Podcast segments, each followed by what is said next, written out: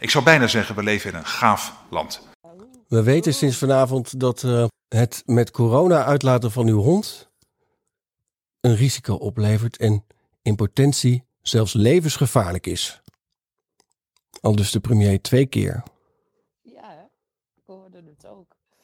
Maar waarom zijn die hondenbezitters dan nu uitgezonderd van de avondklok?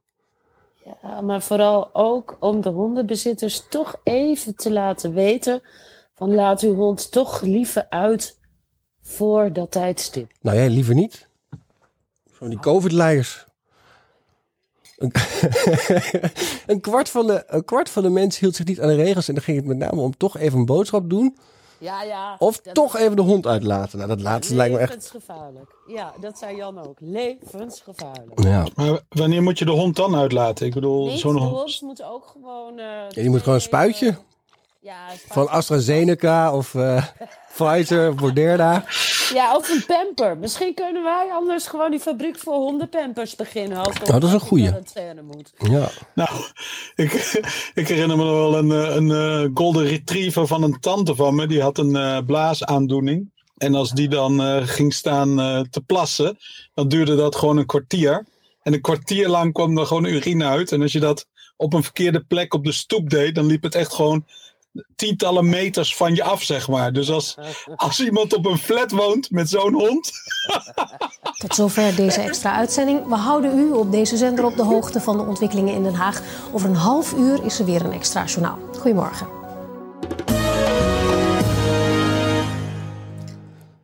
In bestuurlijk Nederland en op verschillende plaatsen in de grachtengordel is maandagavond het waterkanon ingezet. Via de sociale netwerksite LinkedIn verzamelden zich mensen rond Herstel NL. Zij kwamen met alternatieven voor de corona-aanpak. Naar verluid zijn zeker drie mensen gewond geraakt, waaronder Bas Jacob, de bekende PvdA-econoom, en Barbara Baarsma, de D66-tafeldame die nu echt waarschijnlijk geen minister meer gaat worden. Of stapten ze toch op tijd uit? AAA-landje. Standard nog poor. Vanuit Groningen, Den Haag en Zwollywood aan de IJssel. Een podcast om moody van te worden. We zijn allemaal een beetje melig omdat we net de persconferentie van Rutte en Hugo de Jonge hebben gekeken. Op eh, 23 februari. Daar hebben we gehoord dat de kapper weer open mag. En dat per verdieping in een winkel mogen twee klanten tegelijk geholpen worden. En in tijdslots van minimaal 10 minuten. Wat ga jij als eerste kopen, Anja? Nou, ik, ik, weet je, ik zie Jan, er, m- mijn vriend is Jan, man, man, man. Eh, d- nou, Tuinland, dat is zo'n mega grote winkel. Wij met z'n tweeën in Tuinland, lijkt me geweldig. Ik heb nu al zin in. Roy. helemaal niks, denk ik. Misschien wat bonbons of zo bij lokale chocolaterie. Of eh gehaktballen in satésaus bij mijn lokale kroeg. Ja, maar die Dan kan je maar even een soort take-out doen of zo. Ja, maar dat, dat take-out kan natuurlijk toch al? Ik zie Ja, maar volgens mij mag ik daar geen biertje drinken. Oh, mag dat straks natuurlijk wel, want bij de kapper mag je toch ook een wijntje drinken. Dat is ook een hele... Dat heeft Ja, maar mag dat dan tijdens corona ook? Of is dat ook levensgevaarlijk, net als je Eh, hond uitlaten? Nou, dat is alleen echt heel gevaarlijk als je positief eh, getest bent, hè? Oh, op die manier. Dat is het eh, risico. Nou, de, de crash van mijn dochter is de hele week dicht. En er is nog niemand die even in het kader van het bron- of contactonderzoek eh, dan ook maar even een mailtje gestuurd heeft eh, namens de GGD. De GGD hier zit wel al heel dicht erbovenop sinds eh, december 2019 al, kan je nagaan. Maar ja, het stelt mij toch een beetje teleur. Ik wil hem best een afspraak met Rutte maken. Maar dan moet hij wel bellen. Nee, maar ik begrijp dat als je wil winkelen, dat je van tevoren een afspraak moet maken. Hè? Ja, Vier uur van tevoren, toch? minstens Vier vier uur van tevoren, Ja, ja, het moet dus geen funshopper hoe- worden. Hoe, hoe zien ze dat dan? Nou, Zeg Rutte kan voor gewoon een nieuw pak ja, kopen dus- bij Pelger. Pelger is een eh, prachtige winkel in Den Haag die nog niet adverteert in deze show. Ehm, dus dan mag ik dat gewoon zeggen. Eh, maar die heeft meerdere verdiepingen. Dus dan kan je per eh, verdieping twee klanten. Nou, dan kan je zes pakken tegelijk. Dan heb je die Tweede Kamer nog wel een keer eh, in eh, strak nieuw blauw eh, in een weekje. Ja, maar v- ik vraag me ook echt af, maar dat vroeg ik al vorige week af. Als Rutte dan bij de kapper is geweest, gaat de kapper dan ook weer dicht na drie weken? Nee, dat eh, denk jij. Maar dat is vandaag uitgezocht Door de onderzoeksredactie van het journalistieke medium Radio 538 uh, zetelen de tehuizen. Um, en zij kwamen vanmorgen op het lumineuze idee om gewoon even de kapper van Rutte te bellen. Kapper van Mark Rutte. Voelt een beetje stout, Ja, hè? dat is het wel. Ja. Marco Rimmelsman. Hey Marco, met Frank Danen van Radio 538. Hi. Hoi. Hey, we bellen je even over de kappers die weer eh, open mogen. Dit was vanochtend, Ja. vroeg op de We ochtend. vroegen ons natuurlijk af of de premier al een afspraak heeft gemaakt. Eh, nee, die, eh, die komt eh, zaterdag, komt die. Volgende week zaterdag. Dus er is een afspraak. Hey, Maar- hoe maar- lang geleden heeft eh, meneer Rutte deze afspraak gemaakt? Ja, dat ga ik niet, eh, dat ga ik niet over. Dat ga ik niet zeggen. Nee, je hebt groot gelijk. Ik ben wel heel erg benieuwd of, wij, of de kappers nu open mogen. Omdat jij me af en toe geappt hebt van... joh, hé hey, Mark, op, man. schiet eens even op. Ziet er niet meer uit. nee, dat ga ik niet doen. Nee, nee, nee. nee. Nee. Tot slot, ik woon om de hoek. Eh, het lijkt mij wel wat om een keer geknipt te worden door de kapper van Mark Rutte. Ja, dat is goed. Dan maak je een afspraak eh, online op Plan de Kapper. Bij uh, Heren de Kapper mo- Moet Mark dat ook op die manier zo? Ja.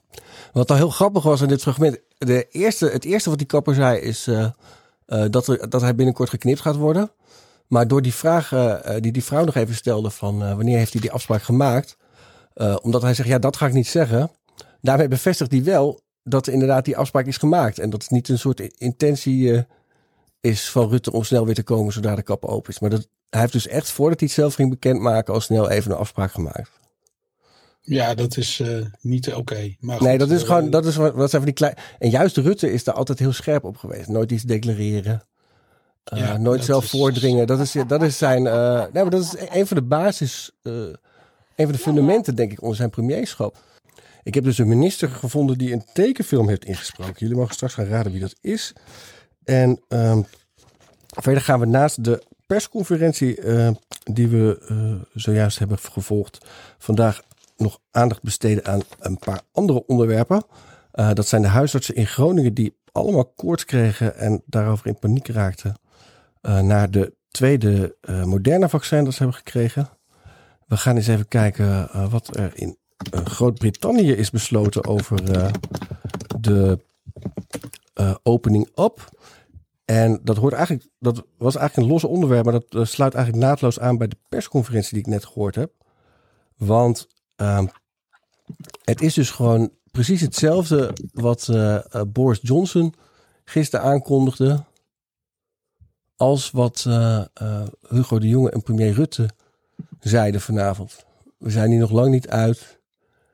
En het gaat om een, uh, een moeizaam traject. En we moeten nog zware stappen zetten.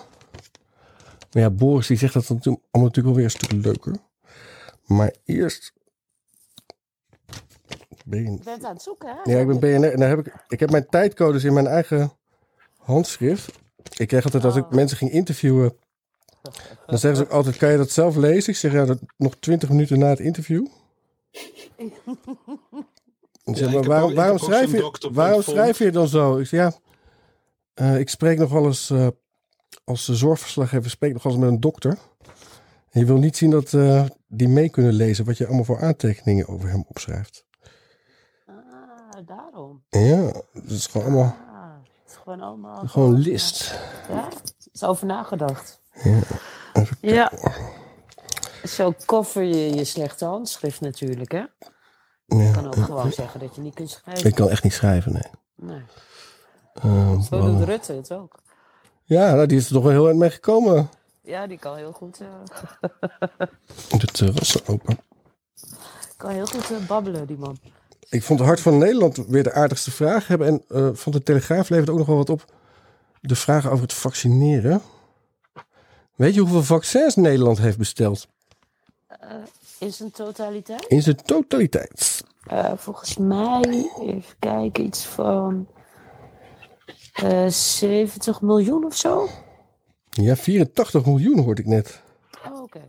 ah, dat staat dichtbij, toch? Ja, en voor de zomer hebben we dan al 3 miljoen mensen geprikt. Prikt. En dan nog eh, hebben we 3 miljoen prikjes van Janssen erbij. Die hoeven maar één keer, zei Hugo de Jonge. Dus dan heb je al 6 miljoen. En dan hebben we nog 20 miljoen andere vaccins klaar liggen. Maar ja, je kan je voorstellen als de helft daarvan niet op tijd geleverd wordt, dat het eh, allemaal misloopt. Maar dan denk ik van, ho, we hebben dus al eh 9 miljoen mensen gehad. Want er zijn al 3 miljoen mensen. Vandaag ook, er kwamen in één keer een miljoen extra mensen die al antistoffen tegen COVID zouden hebben bij. Ja, 3 miljoen. Ja, vorige week was het nog 2 miljoen. Ja, gaat heel snel. Ja, Voor de zomer zit ik... eh, wat is de, wat is de R-waarde, wat is de R-waarde van het aantal mensen met antistoffen tegen corona? Ja. Dat is wel wat, eh, die R is wel wat hoger dan die van het Britse virus. Ja, dat Britse virus kwam weer eh, vaak uit die gereedschapskist hè, tijdens de persco. Ja, terwijl ze echt hebben toegegeven vandaag dat het dus allemaal niks heeft uitgemaakt. Ja, en toch word ik gewaarschuwd. Die derde golf komt eraan. Sinds de scholen open zijn, eh, zitten we weer op meer besmettingen. Dus ja, ik zou heel snel een afspraak bij die kapper maken. Want ik ben bang dat je over drie, vier weken weer dicht gaat. Want jojoen willen we niet. Maar dat jojoen geldt alleen voor de avondklok. Heb ik begrepen, hè? Ja. de persconferentie. Nou ja, je kunt het uitrekenen. hè. Als de boel eh, 1 maart open gaat en eh, nou zeg 18 maart er eh, weer slechte cijfers zijn. Dan kunnen we tegen die tijd eh, de impopulaire maatregelen nemen voor eh, na 23 maart. Ja, maar nu ga je even rekenen zoals een rode jongen. Eh, nou, nee, ik reken even naar de verkiezingen toe. En ik bedoel, we komen toch pas zeg maar na een week of twee, drie met cijfers die zeg maar de, de impact van de versoepeling weergeven. Ja, maar stel je voor wat er allemaal in de tussentijd kan gebeuren. We hadden vorige week die Field Labs, zo'n congres. En eh, Ja. daar zei Hugo de Jong over, ja, toch bij de deur, maar eh, mooi vijf mensen uit eh, de test gepikt die toch corona hadden. maar weer met grotere groepen nu. Want dat is echt toch wel heel riskant. Even de, de Field Lab van afgelopen maandag. Ik begrijp dat daar dus bij de poort zes mensen zijn tegengehouden die Zes? besmet waren. Moet je je voorstellen, 500 man in de zaal die gewoon weer als vanouds eh in, eh, in, in een clubje bij elkaar gaan staan eh, bij de koffie. Dat daar dus inderdaad zes mensen tussen lopen die besmet zijn. Heb je zomaar 500 mensen besmet natuurlijk. Oké, dus zes mensen gaan een kopje koffie drinken in het theater en dan komen 500 eh, besmettingen uit. Maar als het hele slechte ventilatie is, wel misschien hoor. Nou, dat is dus Zo. uitgezocht. eh, heel grappig vorig jaar toen, de, eh, eh, eh, toen het over de luchtstromen in de vliegtuigen ging. hè, Want toen mochten we van ja van Dissel allemaal met Transavia toch weer eh Alicante op. En eh, dat had ja vanwege de luchtstroom. En er werden hele mooie plaatjes eh, eh, rondgestuurd van vliegtuighandleidingen. maar daar stond dan bij, ja, eigenlijk zijn er maar twee typen ruimte waar echt een goede ventilatie is die besmettingen, verspreidingen tegenhoudt. Dan is, moet de lucht echt naar beneden blazen. En dat is in operatiekamers en in theaters. Dus het is er al daar. oké, los. Maar je hebt dus met zes mensen die vooraf dus niet positief getest zijn, maar bij het begin van het eh, festival van die eh, controles wel. Dus dan hebben ze niet een hele hoge virale load volgens mij, want dan eh, had je het ruim voor de test al moeten kunnen zien. En die gaan dan met z'n zessen 500 man eh, besmetten. En we weten, je moet ongeveer een kwartier lang met iemand staan te ouwe hoeren op eh, minder dan anderhalve meter afstand in een slecht geventileerde ruimte. Om eh, iemand met corona te besmetten. Maar met z'n zessen, met 500 man, een kwartier lullen. Dat haalt Guido Weijers nog niet. eh. Nee. Ja, wat moet ik erop zeggen? Hè? Ben je nou wel eens in die Q-stal in Isku geweest, Anja? Nee, nee, daar waren we niet, niet geweest. Nee, maar ook niet in een ander jaar? Ook niet in een ander jaar. Ja, wij zijn niet zo van de après-ski. eh. Je zou het niet zeggen, maar eh wij willen skiën, meters maken. Nee, precies. Maar dat, het is niet, dat is dus echt een bar waar je niet heen gaat als je wil skiën. Nee. Want, Ja, maar kan, je, kan je dat een beetje schetsen voor de mensen die geen koeienstallen kennen, maar misschien wel eh, skiën? Wat, voor- wat voor Ja, je- type bar is dat? Je weet eh, toch eh, gewoon waar heel veel mensen op bij elkaar heel veel bier drinken. En dansen op van die foute Duitse.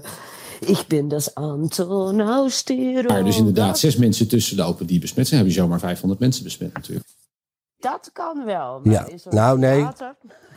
Nee, want eh, het is later geloof ik teruggerekend dat het een van die barmannen daar die besmet was, die zou misschien duizend besmettingen eh, op zijn geweten hebben. Nou ja, eigenlijk- Maar gedurende een aantal dagen. En daar moet je volgens mij eh, bij realiseren dat ik denk dat de meeste mensen besmet zijn geraakt, eh, zeker uit Nederland, niet per se tijdens het skiën of tijdens het bier drinken, maar op de terugweg met z'n allen in de auto. Ja, Lekker met bus. vijver opgepakt of met z'n allen in de bus. En dat is natuurlijk het grote risico geweest. Ik ken één eh, verhaal van eh, een jongen die dus echt in die eerste... eh, die zat in de koeienstal eh, groepen. Die is al flink ziek geweest ook. Een paar weken. En heeft ook eh een van de gezinsleden eh, wel besmet en de andere niet. Dus dan moest echt de deur... Die, echt, die mocht dan s'avonds... Die mocht s'avonds wel even naar buiten. In tegenstelling tot mensen die de hond uitlaten. Als iedereen eh, binnen was, dan ging hij even een stukje door het park lopen om inderdaad maar eh, niemand, te last te zijn. Ja, nou, dat ging hartstikke goed. Als je dan dit bovenop dat potentieel levensgevaarlijke honden uitlaten, bovenop de uitzondering van de avondklok plakt, ja, dan kan het niet anders dat al die hondenbezitters corona hebben. Of, of ben ik nu Hugo de Jonge? ja. Feiten liggen niet. We moeten ook strenger zijn voor onszelf, strenger zijn op ons eigen. Nou, die ging er weer keihard in. En juist met een willig virus moet onze aanpak voorspelbaar zijn. Er staat de komende weken veel op het spel.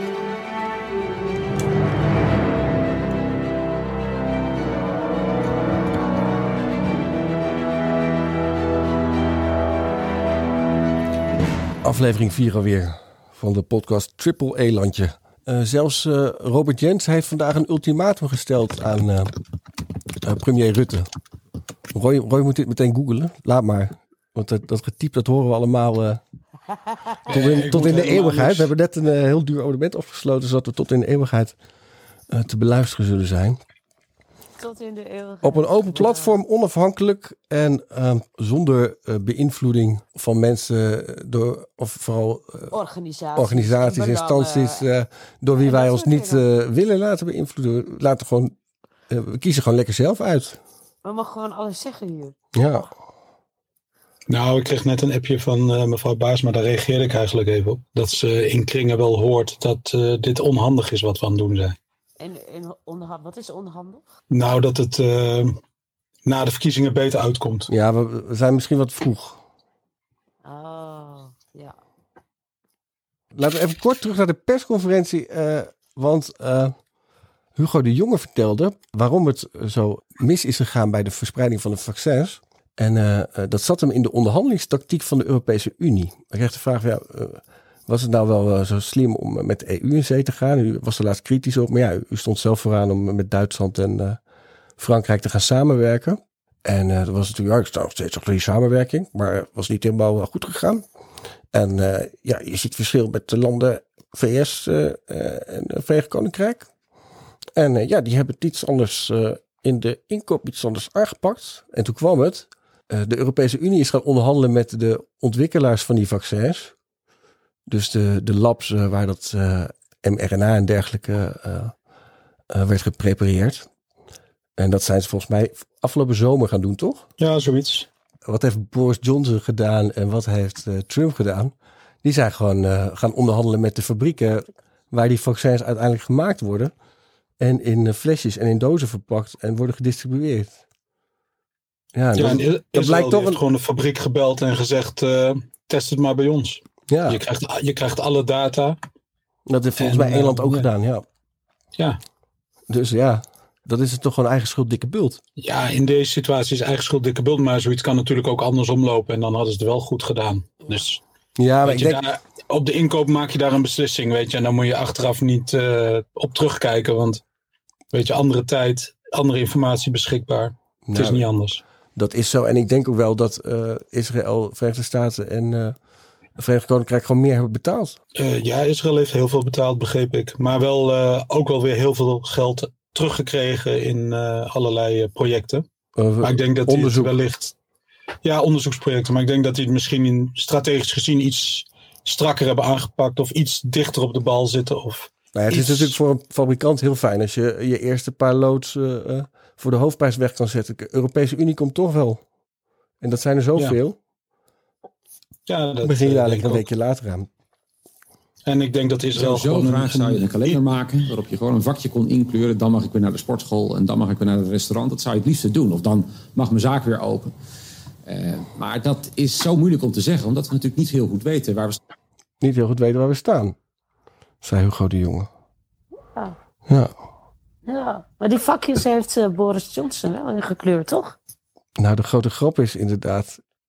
Ik wilde even zelf. eh, ja, ik maak, ik kan ik gewoon uitknippen hoor. Ehm, we kunnen- anders vliegen we hem anders aan. want, ehm, dat testen op middelbare scholen. Hebben jullie dat gehoord? Nee. Dat, eh, het, het, is, het wordt dus straks de bedoeling dat eh, er op MBO's, geloof ik, eh, mensen eh, vooraf eh, zich allemaal laten testen, hele klassen. Dat ze dagelijks thuis gaan doen met een video-instructie. Ehm, zodat je gewoon een soort massascreening hebt. Net als eh, eh, met borstkankeronderzoek en dergelijke, waar iedereen gewoon aan mee eh, mag doen. En dat was precies hetzelfde als wat dus Boris Johnson gisteren bekend maakte tijdens zijn open-up toespraak. En daar zaten wel meer overeenkomsten in. Behalve het taalgebruik van Bojo. Roadmap, the four steps that will take England out of lockdown by the summer, which of course called for a colourful metaphor. The crocus of, of hope is poking through the, uh, the frost, and uh, spring is on its way. De crocus. Ik ben nu alweer kwijt.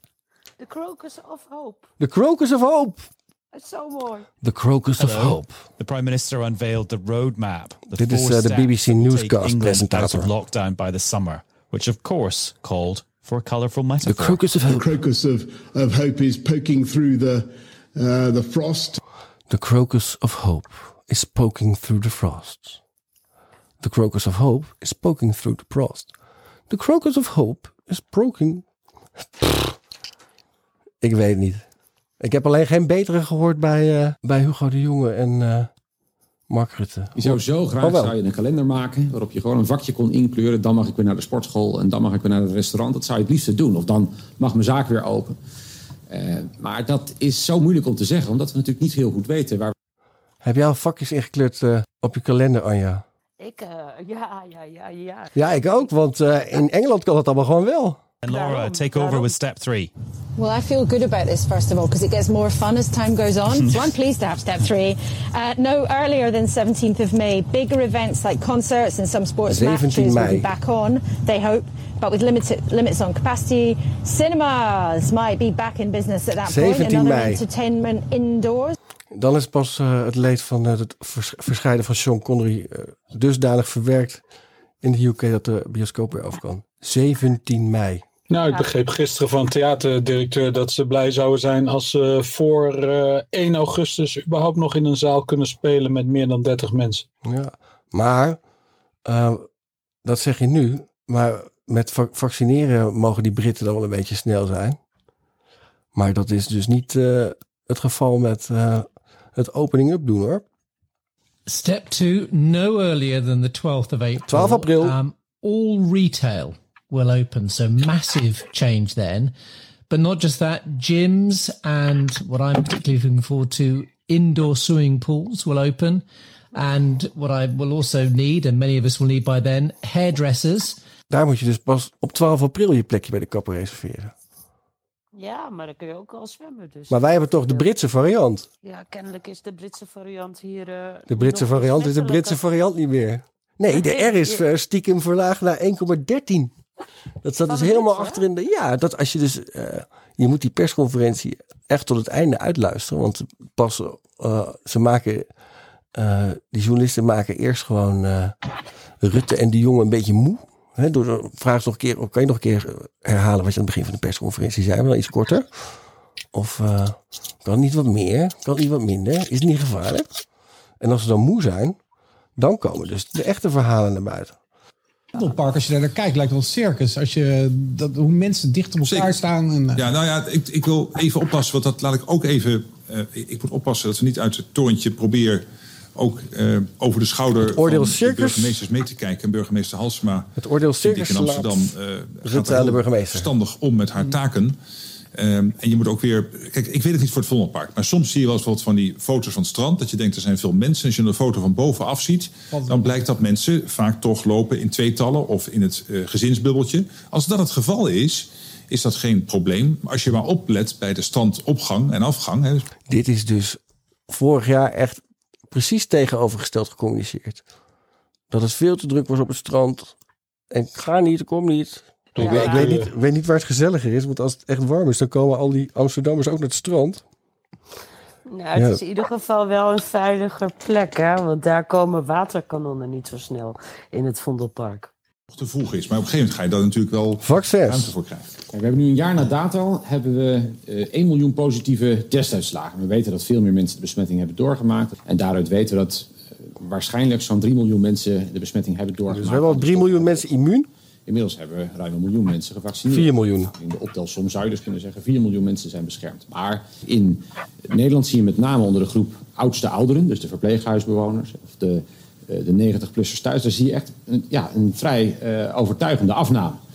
Eh, het aantal besmette locaties bijvoorbeeld in de verpleeghuizen was ruim 800 eh, toen we begonnen met vaccineren, is nu zo'n 450 ongeveer. De grap is dus, eh, in het begin van de coronapandemie was eh, minister Hugo de Jonge nog niet de minister van corona, maar de minister van bejaardenhuizen. Eh, het eerste wat daar gebeurde was eh, verbod op het gebruik van persoonlijke beschermingsmiddelen. Ja, die afname, Ja. zeg maar, die je heel duidelijk ziet onder die oudste, die 80, 90-plussers. Bedoelt hij daarmee eh, de mensen die er niet meer zijn na vaccinatie? Nou, dat is heel cru gesteld. Ja, Ja, ja dat is, is inderdaad een beetje ja, heel cru gesteld. Maar het valt me toch op, eh, ook bij ons eh, in eh, Leek eh, verzorgingshuis. eh, na vaccinatie 12 doden, 12 doden, 35 besmettingen onder het personeel. In een huis van hoeveel mensen? Onder de bewoners iets van 108 in totaal. 12, 12 mensen 12 overleden? mensen overleden. En, En hoeveel zou dat normaal zijn in die tijd? Ja, kijk, dat, dat, eh, dat weet ik toch niet. Ik kan niet in mijn glazen bol kijken. En natuurlijk gaan er mensen in verpleeghuizen hè, die, eh, dood. Alleen, eh, dit hadden ze nog nooit meegemaakt. Maar 12 in, in Noorwegen waren het er 13 en dat heeft de hele wereld het over. Is dit een eh, vers bericht? Ik heb het nog Het niet. is vers bericht. Ja, staat Wow. eh, bij, bij ons eh, op de site. Oh, vandaar, vandaar dat er nu wat eh, eh, verlichtingsmaatregelen werden aangekondigd. Eh, dus weer ouderwetse wag the dog. Sorry. Ja, dus- sorry. Nou ja. Vandaar dat ik zo hard Nee, dan ben je dus, dan ben je dus heel op- cynisch over politiek. Maar ik ben er open en onbevangen ingegaan. Maar ja, het is gewoon zo. Het heet Take Out the Trash Day in Den Haag. Het mooiste voorbeeld was eh, toen eh, Robin van Persie die fantastische koppengoal maakte. Tegen Spanje? Tegen Spanje op het WK. Ja. Echt drie minuten daarna, daarna rolde echt een eh, zeer brisant rapport over de zorgverzekeringskosten de mailbox in. Ik, had, ik kreeg gewoon een melding daarvan op mijn telefoon. Dus eh, ik klapte dat meteen even op Twitter. Nou, dat werd me echt aangerekend dat ik daar überhaupt een tweet over durfde te sturen. Hoe kom je erbij? Wij communiceren altijd open en wij gaan niet over wanneer- brieven naar de Kamer gestuurd worden. En... Maar dat is dus gewoon niet waar. Het is alleen dat die timing met die kopgoal was net iets te, te toevallig. Ja, soms heb je gewoon een doelpunt dat het gewoon net, net iets te mooi is om waar te zijn, hè? Ja, die, die tellen wel. We zijn een lief volkje, dat weet ik. Het liefste volkje van Nederland, dat weten jullie ook wel. Maar, maar, maar het is een keer over met die man. In Groningen dus twaalf mensen in een bejaardenhuis in Leek overleden. Leek is een vrij klein dorpje. Onder de rook van Groningen, kilometer of 15. Beetje in het Ja. bosrijke gebied. Tegen Ja. Drenthe aan. En het komt nu naar eh, buiten en het is natuurlijk van een paar weken geleden. Echt waar? Ja, ja, ja. Het is nu eh, naar buiten gekomen. Eh, Dat dus is nou- zeg maar, de golf is weer een beetje aan het af, eh, afkalven. Maar nee, die hebben een behoorlijke periode gehad. En Maar vandaag was... dit zet ook jouw andere onderwerp wat jij vandaag had meegenomen... wel even in een nieuw daglicht. want jij kwam vanochtend met een bericht aan uit Dagblad van het Noorden... dat onder Groningse huisartsen paniek was uitgebroken... toen bij het tweede vaccin iedereen ineens koorts kreeg. In een eh, app, eh, zeg maar, eh, waar de huisartsen zitten als ze zeg maar moeten reguleren, regelen wanneer wie weekenddienst draait. Daar was wel wat commotie, al dus het artikel in het Dagblad van het Noorden. Lichte commotie ontstaan. Lichte commotie. Omdat de artsen die het tweede prikje van Moderna hadden gekregen, daar vrij koortsig op eh, reageerden. Ja, wat mij dan verbaast is de berichtgeving. eh, de wat afzwakkende toon. Als Nou, wat koortsig reageren was het, behalve een erg leuke woordspeling toch ook wel tikje eufemistisch. Als ik het bericht zou herschrijven. hè, eh, Ja, maar Groningers zeggen altijd, kom minder, ja. Kom minder, ja. Maar je kan ook zien, hè, als ik schrijf experimenteel vaccin veroorzaakt paniek onder Groningse huisartsen, dan lees je heel anders dan eh, dat er Ja. wat paniek is uitgebroken. Of niet eens, nee, lichte commotie is uitgebroken in een app. Lichte commotie, ja. Ja, lichte Nou, het feit dat een, het feit dat een appgroep van huisartsen eh, uitlekt, eh, is best wel zeldzaam. Dat zegt al eh, behoorlijk. Ja, dat, is, dat doen artsen. Artsen zijn er best wel strikt in, goddank. Maar misschien wisten die artsen al van die twaalf doden bij het bombardement. Eh, pardon, bij de vaccinatieronde in Leek. Wat vindt u er dan van als dokter zijn? Keurt u dat nou allemaal maar goed? Ik? Heb ik er nou mee te maken? Heb ik toch niks mee te maken? Op het UMCG is, hebben we nu ook al een uitbraak. Hè? Ook Oh? daar is het personeel gevaccineerd. Ook daar op de verpleegafdeling. Nee, de Britse mutant kwam ook rond het begin van het vaccinatieprogramma in één keer op, inderdaad. En daar gelukkig maar slechts één overleden. En eh, behoorlijk wat besmettingen ook weer, wederom. Maar dan dat- is het wel, wel goed nieuws dat AstraZeneca gewoon minder vaccins levert dan ze beloofden. Hè? Dat komt net binnen. Ja. Nog slechts de helft van wat ze beloofd hadden. Dus die eh, tweedehands autoverkoper, die de accountmanager heet, die eh, heeft dat weer zijn werk goed gedaan. Waar komt dat door? Ze hebben de andere helft al gekocht eh, aan een hogere bieder? Of? Ja, dat zal Ik denk dat ze, wel denk dat ze gewoon niet doen omdat eh, ze... Voor mineralen. Ze kwamen er gewoon, denk ik, pas door die Belgische minister of staatssecretaris die die prijzen getwitterd had. Ja. Ik denk dat ze toen achterkwamen, kut, die, die anderen zitten allemaal vanaf 7 piek. en wij verkopen hem voor, acht- voor 80 cent. die hebben gewoon een slechte deal gesloten. Om moedeloos van te worden, vind ik. eh. Wat mij nog eh, is bijgebleven van de persconferentie, is dat er eh, een app in de maak is. Ja, die al juist. bijna Toen ben ik begonnen met aantekeningen. is zelfs. We gaan naar een testmaatschappij alweer. Mhm. Dus die app die moet ik dan downloaden. Ik moet Ja. laten testen of thuis testen. Maar niet voor het En café, daarmee maar wel als je naar het concert wil. Heb ik een vrij- vrijbrief, denk ik, ook naar de kroeg en naar Nee, nee, nee. De, de, die, de horeca mocht hem niet gebruiken.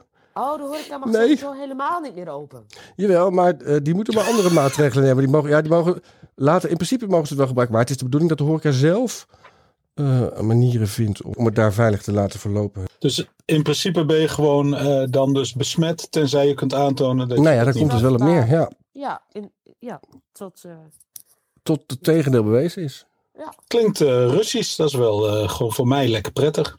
Eh, op het ministerie wordt ook gewerkt aan een soort paspoort-app. hè, eh, die laat zien eh, dat je negatief getest bent en dat je daarmee toe- toegang kunt krijgen tot eh, nou, een schouwburg of een voetbalwedstrijd. Hoe staat het daar eigenlijk mee? De vorige keer bij de, bij de coronamelder is dat in alle openheid gegaan. Eh, iedereen mocht meedenken. Er was een, een, een appeton. Waarom gebeurt- succes. Ja, waarom gebeurt, Ja. Dat, waarom gebeurt dat nu niet? Eh, nou, omdat eh, we zijn hem in alle openheid aan het ontwikkelen, overigens. Eh, er is wat minder aandacht voor, dat zie ik ook. We hebben geen Ah, app ja, want we gaan al uw gegevens, eh. En hij is eh, zo goed als af. Hij is nog niet helemaal, maar wel zo goed als af. Er is trouwens genoeg aandacht voor. Maar dat is bij al die, Ja, dat is bij al die wappies waar, waar we niet naar mogen luisteren van Hugo en van Mark.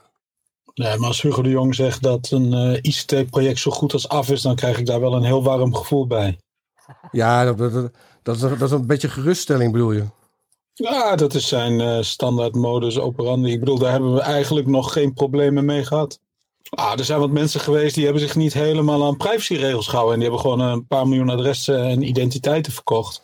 Maar Ja, dat kan gebeuren. Ja, maar tegen kwaad is geen kruid gewassen. eh, duidelijk te maken dat we dat toegangstesten gaan gebruiken om dingen weer mogelijk te maken die eigenlijk, gegeven de stand van de epidemie, nog niet kunnen. En die field labs van afgelopen week, daar moet je aan denken eigenlijk. Hè. Dus die zijn gestart, dat congres is gestart. Volgende fase komen er meer field labs en dan gaan we ze voor het eerst voor het echtje doen. Namelijk met de opgebouwde toegangstestcapaciteit die nu uit de grond wordt gestampt. En ook met gebruik maken van die app. Dus voor half maart, dus de eerste keer, zal die app daadwerkelijk in gebruik worden genomen.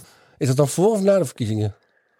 Ja, ik denk net voor, toch? Ja, dat is wel 15, handig. 16 maart, zo. Dat is ook- ja. Want dan kun je meteen eh, met stemmen al laten zien dat je dus eh, getest bent en vrij van corona. En dan kun je je stem uitbrengen. Maar dat is wel cool, want die scholen zijn al een tijdje open. Dus die docenten en die populatie in die scholen, die wordt al een tijdje als field lab gebruikt. Dus dan krijgen ze ook de statistieken daarbij. Dat is wel tof. Die zijn er toch al? Van scholen? Volgens mij niet. Nou, de, eh, ik geloof dat Die komen nu. het, eh, eh, 300 van de besmettingen van afgelopen week uit het RIVM eh, kwamen uit de leeftijdsgroep 0 tot 12 jaar. Zoiets was het. In ieder geval in het noorden weet ik dat de basisschool in Holwierde. Je zegt wat? Holwierde? Ja, dat is zo'n gehucht bij Delfzijl.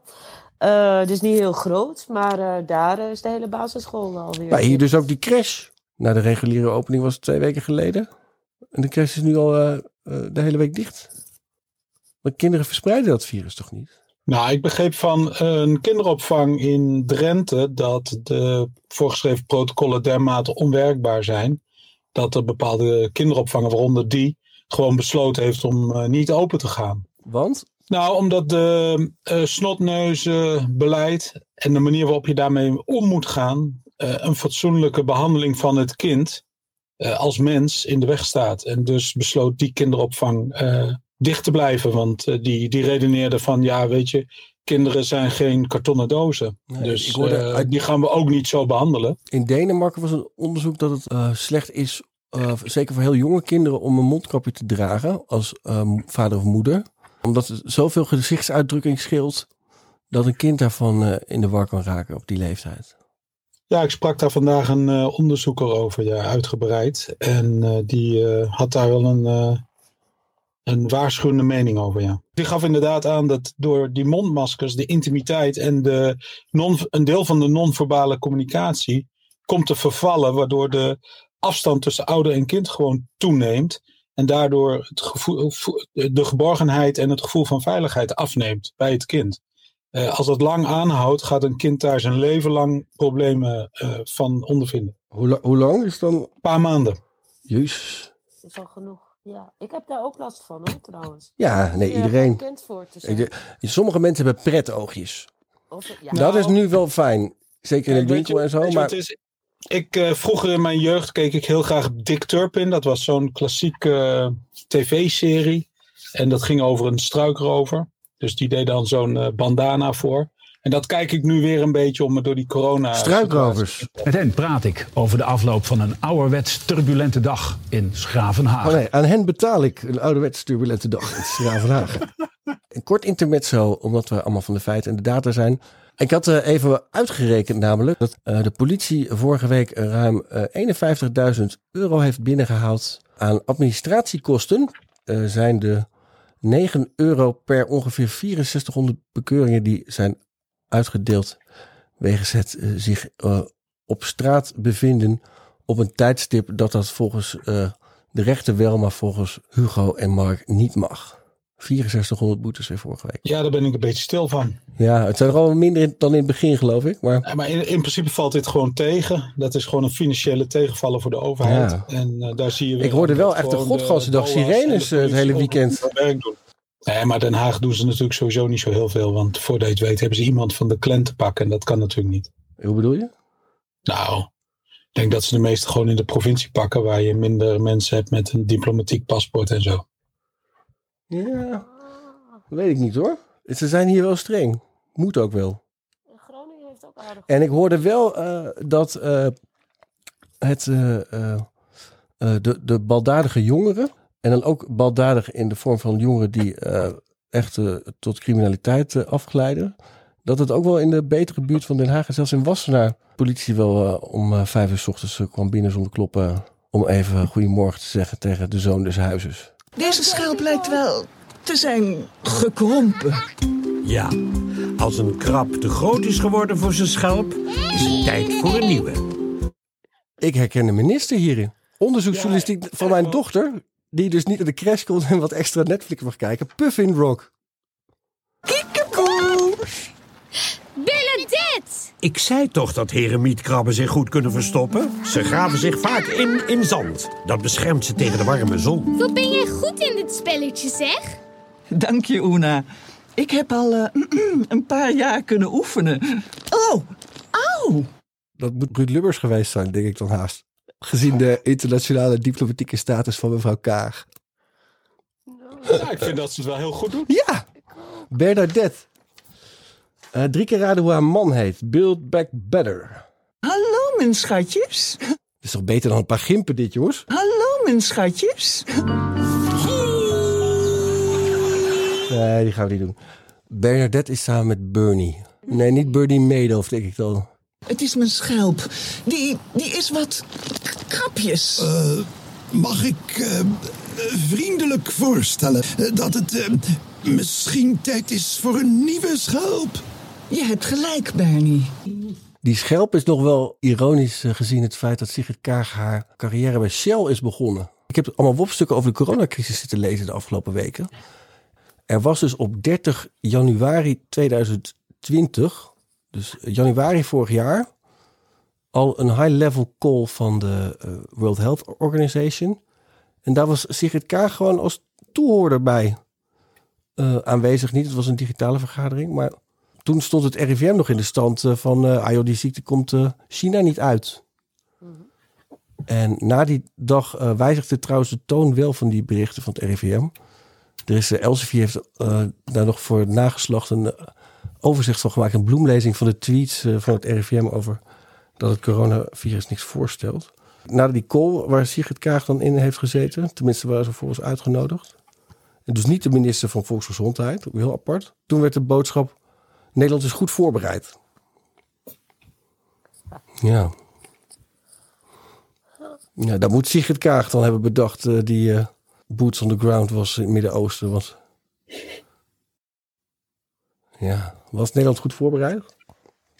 We hebben alles geoefend trouwens. Ja, op zich was Nederland niet slecht voorbereid, want we hebben alles geoefend. Eh, onder andere vorig jaar in december waren er uh, pandemieoefeningen in uh, Limburg bij de GGD. En de, de hele zorgketen in Rotterdam-Rijnmond heeft een grote oefening gedaan met een griepepidemie met code zwart. Alleen het enige wat ze volgens mij niet hebben geoefend was het, het onderlinge gefactureren en betaalverkeer. En ik denk dat daar in het begin de manko in is gaan zitten dat Nederland zo raar uit Stadblok is gekomen. Met dat niemand werd getest in het begin. Dat je pas eigenlijk getest werd op het moment dat je de vraag was of je het ziekenhuis, in het ziekenhuis moest worden opgenomen. En dan denken mensen heel veel van ja, er is tekort aan testcapaciteit.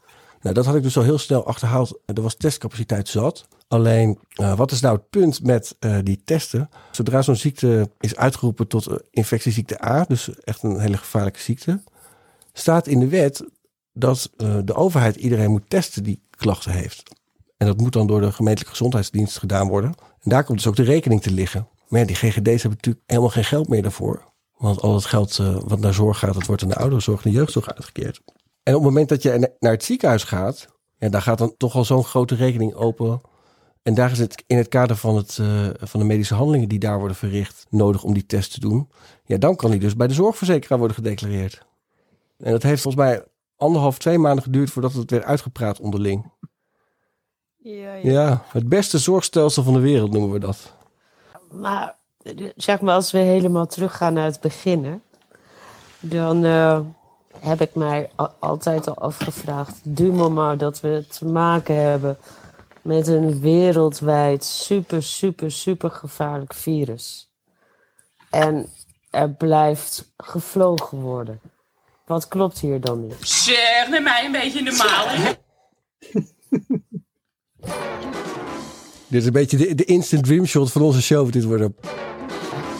Nou ja, het, is, het is natuurlijk een beetje raar dat we het hele jaar met de dood worden bedreigd. En twee weken voor de verkiezingen eh, de boel een beetje open gaat. Zeker als je ziet dat eh, in Engeland eh, de kappers en de winkels pas op 12 april open mogen. Ja, maar dat Rutte, die Rutte moet er nou eenmaal gewoon even goed uitzien. Trouwens, Hugo zag er ook goed uit hè, vandaag. Ook zijn pakken gaan richting maatwerk. Ik moet zeggen, Hugo kruipt wat dat betreft een beetje dichter bij Rutte. Ja, heeft hij eh, naast... eh, Ja, hij had een goed pak aan. had hij dat vroeger niet? Dat hij alleen aandacht aan zijn schoenen Ja, gaf? nou, dat zeg maar het, het, het, het dasje, of eh, in ieder Ja. geval, hoe zeg je dat? Het blouseje net niet aansluit bij Oh, ja. het jasje. Dat het net even wat slordiger is. Ja. En bij Rutte is dat altijd perfect, perfect. En die man die moet er natuurlijk goed uitzien. Dus die Ja, de zeker. kapper. Nee, vind ik ook. Daarom zijn de kappers open. Rutte moet ook naar de kapper mogen als, het, eh, niet, eh, als, de, als de andere kappers dicht zijn. Ja, lijkt me Hij is de baas van Nederland. en dat Nou, geldt ook voor journaal die lezen. Dat, ja, nee, dat, dat zijn gewoon cruciale, essentiële eh eh, be- bekoepen. Bekoepen? Bekoepen. Ja, ik dacht bij Hugo de Jonge is misschien de, de stijlles mode opgehouden bij eh, Married with Children. If your shoes look like shit, you look like shit.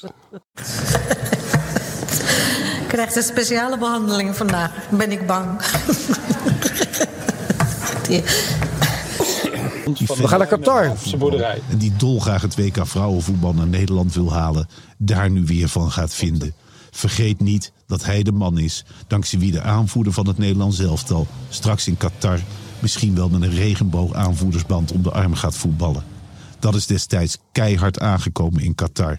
Ze hadden wel op iets gerekend, maar niet gedacht dat het zo erg zou zijn. Slavernij in Qatar. Eh, dit filmpje stond onder een bericht op de gewone nieuwssite van de NOS, terwijl het best een openierend filmpje is. Vond ik wel opvallend. Waarom vind je dat opvallend? Nou, dat ze zo'n filmpje onder. Bij de NOS staan er meestal gewoon nieuwsfilmpjes op. En dit was een soort gesproken column van eh Mars van Roosmalen. Ja, maar dat is eh, toch gewoon een eh, Radio 1 columnist. En hij is heel scherp Ja, altijd. maar hij heeft het volgens mij gedaan voor, voor een sportprogramma. Sportjournalistiek heeft een wat andere eh, scheiding tussen feiten en analyse dan het reguliere nieuws. Zeker bij de NOS zijn ze er heel strikt in. Nou, hij zit hier toch prima op de feiten. Ik bedoel, 6500 overleden slaven tot dit moment. Dus ja, dat was een oud filmpje. moment jij, noemt het 100 per bericht, jij noemt het bericht wat, waar het bij stond. Eén Maar- per wedstrijd minuut, hè? Ja, voor een regime dat in beginsel eh, vrouwen geen hand geeft en eh, niet toe zou staan in het begin dat vrouwen in hun sportbikini zouden spelen. Na wat druk hebben ze dat dan wel toegestaan. Echt waar? Wat, wat druk overigens nadat gewoon een aantal vrouwenteams, met name Duitse teams, afzegden. Dat ging om eh, beachvolleybal. De dames wilden gewoon in hun reguliere outfit spelen. En de regering van Qatar, eh, die vond dat eh, te sexy, dus dat mocht allemaal niet. Op het Dus WK, op het WK eh, beachvolleybal. ja, dus dan moesten korte broeken worden tot over de knieën en dat soort. Echt, en dat bij 40, 50 graden? bij 40, 50 graden. Oh my En de god. Duitse, de Duitse wereldkampioen die bedankte daarvoor. En dat vind ik heel dapper. Daar zitten meer ballen bij die dames dan bij de KVB. Bij de KVB zitten weer meer ballen in spreekwoordelijke zin. Oh, ik dacht Qua meer euro's. eikels. Ja, dat ook. Als bond kan je veel moeilijker het maken om zoiets eh, te doen. Ik denk sowieso in het voetbal dat je eh, met zo'n actie niet weg zou komen. Dat het allemaal juridisch is afgedekt. Ach, ja, dan ga je pas mee wegkomen als je het een keer doet. Nou ja, dat anders, is het. anders, anders blijf je daarmee eh, klooien. Ik bedoel, Juist. zo werkt dat gewoon. Juist. Dat is zo goed wat ze hier hebben gedaan. Maar als eh, het halve Nederlands elftal zou bedanken voor het WK. Ja. Zou dat helpen? Nou, dat kijk, we hebben het natuurlijk in 78 gehad waar Cruijff bedankte om andere redenen weliswaar. Maar toen gingen ze ook naar een eh, wat onfris land. Hè? Argentinië, waar toen die Junta met die vader van Maxima mensen uit vliegtuigen aan het flikkeren was. Ehm, dat was ook niet een hele fijne situatie, maar het was een eh, andere periode. Dus daarvan kun je nog zeggen van, nou ja, oké. Maar nu zitten we gewoon in 2021 met heel veel informatie beschikbaar en een paar stappen gemaakt. We zijn uit de middeleeuwen. Dan moet je niet in de middeleeuwen willen voetballen, hoeveel geld ze ook betalen. Denk je niet dat eh, dit vooraf is afgekocht? Want die voetballers... Was het ook niet PSV geloof ik dat het kritiek had op Qatar? En het maal later denk ik niet meer de persvoorlichter van PSV of zo? Voor een oefenstage? Eh, dat zou best kunnen. Ik weet je dat zou eh, Ajax als, je zou als sportman moeten volgens- zeggen... eh, dat je daar niet wil spelen uit principiële redenen omdat het te, te warm is. Het is gewoon ongezond. Nou, maar er zijn een aantal eh, gewoon Nederlandse topteams. Met, eh, volgens mij Ajax, die heeft daar gewoon een, eh, eh, een winterkamp belegd. Dit WK moet per se vanwege de tv-rechten eh, tijdens de warmste maanden van het jaar gehouden worden. Ja, precies. Onhandig. Super ongezond. Zouden we dit moeten boycotten als Nederlandse, Deze scheld als lijkt buitenlandse handel? te zijn gekrompen. Ja, als een krab te groot is geworden voor zijn scheld. toch- Toch dat heremietkrabben zich goed kunnen verstoppen? op dit gebied weten ze zich wel te verstoppen, of niet? Ja, zeker. Geld en belangen in het spel zijn. Dat zie je nu toch ook in ons huidige coronabeleid. Ik bedoel, er wordt wel gevoetbald, hè? Ja. Ik vraag me elke wedstrijd weer af voor wie doen ze dat? Ja, voor de mensen. Dat doen ze tot- voor het geld. Voor, de tv, voor de tv thuis. Ja, maar Mensen wat te kijken hebben. Ze doen het niet Maar- voor de supporters. Nee, maar ze doen het ook niet voor zichzelf. Ook niet. Het is vreselijk om in zo'n leeg stadion te moeten spelen. Laatst, laatst was zelfs eh, eh, iemand die kafferde de scheidsrechter uit. Achter, de, achter zijn rug om. En dat was gewoon in het hele stadion hoorbaar. Het werd gewoon rondgegalpt door die eh, microfoons die... ja, nu is het gewoon entertainmentproductie. Zo moet je het gewoon zien. Als economische activiteit. vo- Profvoetbal. Maar zou, zou Baarsma dan een voetbalcompetitie willen met al die eh, bejaarden? zeg Op een eiland. Met, wil- Hugo de? Jonge wil het dan op een eiland. Nou, ik stel dan dan, een- voor Goeree Overflakke. Waar komt die vandaan? En dan een eh hoofdscheidsrechter van D66, Rob Jetten bijvoorbeeld. Nou, nee, ik wil als hoofdscheidsrechter eh, zeker niet Rob Jetten. Nee. Je bedoelt een beetje de, de John Blankenstein van het nieuwe normaal. Nee, nee, ik denk eh, Herstel een jonge, fris eh, jongen die een beetje populair is en zo. Die gewoon lekker ligt en die dan vooral niet meer in de Kamer actief is. Ja. Misschien heeft D66 dan iemand die wel iets weet. Ja, denk je dat?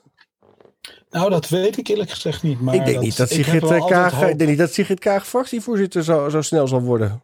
Nou, ze suggereerde van de week dat ze zwaar in de Kamer zou gaan zitten als ze niet eh, bij de regering komt. Ja. Totdat ze de uitslag eh, onder ogen heeft gekregen. Ja, ze beloofde niks, maar... eh, Nee, ik wil een scheidsrechter deze. Biologisch kunt u vaststellen dat het besmettelijk is, maar de, Zeker. ik zal maar zeggen, de biologische. In de Jaap van Dissel League. Exact. Ja? ik ben nog niet helemaal gerust. Vanuit Sluis. Mevrouw de voorzitter. Nee, nee, nee, nou ga ik stoppen. De Nou Fallen. Angels. Echt waar, meneer Engel. eh, we, Tegen ik wil FC van eigenlijk Dissel. niet verder de diepte ingaan. Tikje ook terug, Jaap. Van Dissel zijn rust. Tikje terug. Dus u mag weg. Ja? Zo. Dit is een programma in de zendtijd voor politieke partijen. Zullen we nog met een nieuwtje eindigen? Doen we die volgende keer? Het is eigen nieuws, hè? dat kunnen we gewoon bewaren. Gewoon een scoopje voor de volgende aflevering. Ja, doen we voor de volgende Dat doen we voor de volgende aflevering. Maar ik heb even één vraag, want ik heb die persconferentie niet gezien. Als ik wil winkelen, dan bel ik een winkelier. En dan zeg ik tegen Vier uur van tevoren of meer, ja? Precies. En dan wil ik bijvoorbeeld morgen om twee uur komen winkelen. Mag zo'n winkelier dan aan mij vragen hoeveel ik van plan ben uit te geven? Want ik kan me voorstellen dat Ja. iedereen wil winkelen. Ja, ja, ja. En dat zo'n winkelier denkt van ik ga eerst even de mensen inplannen die daadwerkelijk willen winkelen, iets willen kopen. In plaats van die mensen die alleen maar langs de schappen gaan lopen. Ja, dat zei, dat zei Jan ook. Die zei, nou, stel dat ik schoenen wil kopen. En nou ben ik in de winkel, want ik heb die afspraak gemaakt. En eh, nou vind ik geen enkele, eh, enkele schoen leuk. Maar Nee, dat komt omdat Hugo de Jonge, die heeft al gereserveerd, die is al geweest. Ja, zo eindigt aflevering 4. Maar ja, je voelt je haast verplicht om die schoenen te kopen dan, weet Ja. je wel? Die je eigenlijk niet leuk vindt. Ja, wat dat betreft heb ik geluk, want ik heb een Joodse vrouw, dus die loopt dan echt gewoon de deur uit als Ja, ze het ik niks ook. vindt. Ik ook. Ja. Maar eh, inderdaad, kunnen winkeliers... Dat, die vraag is niet eh, bij de persconferentie gesteld.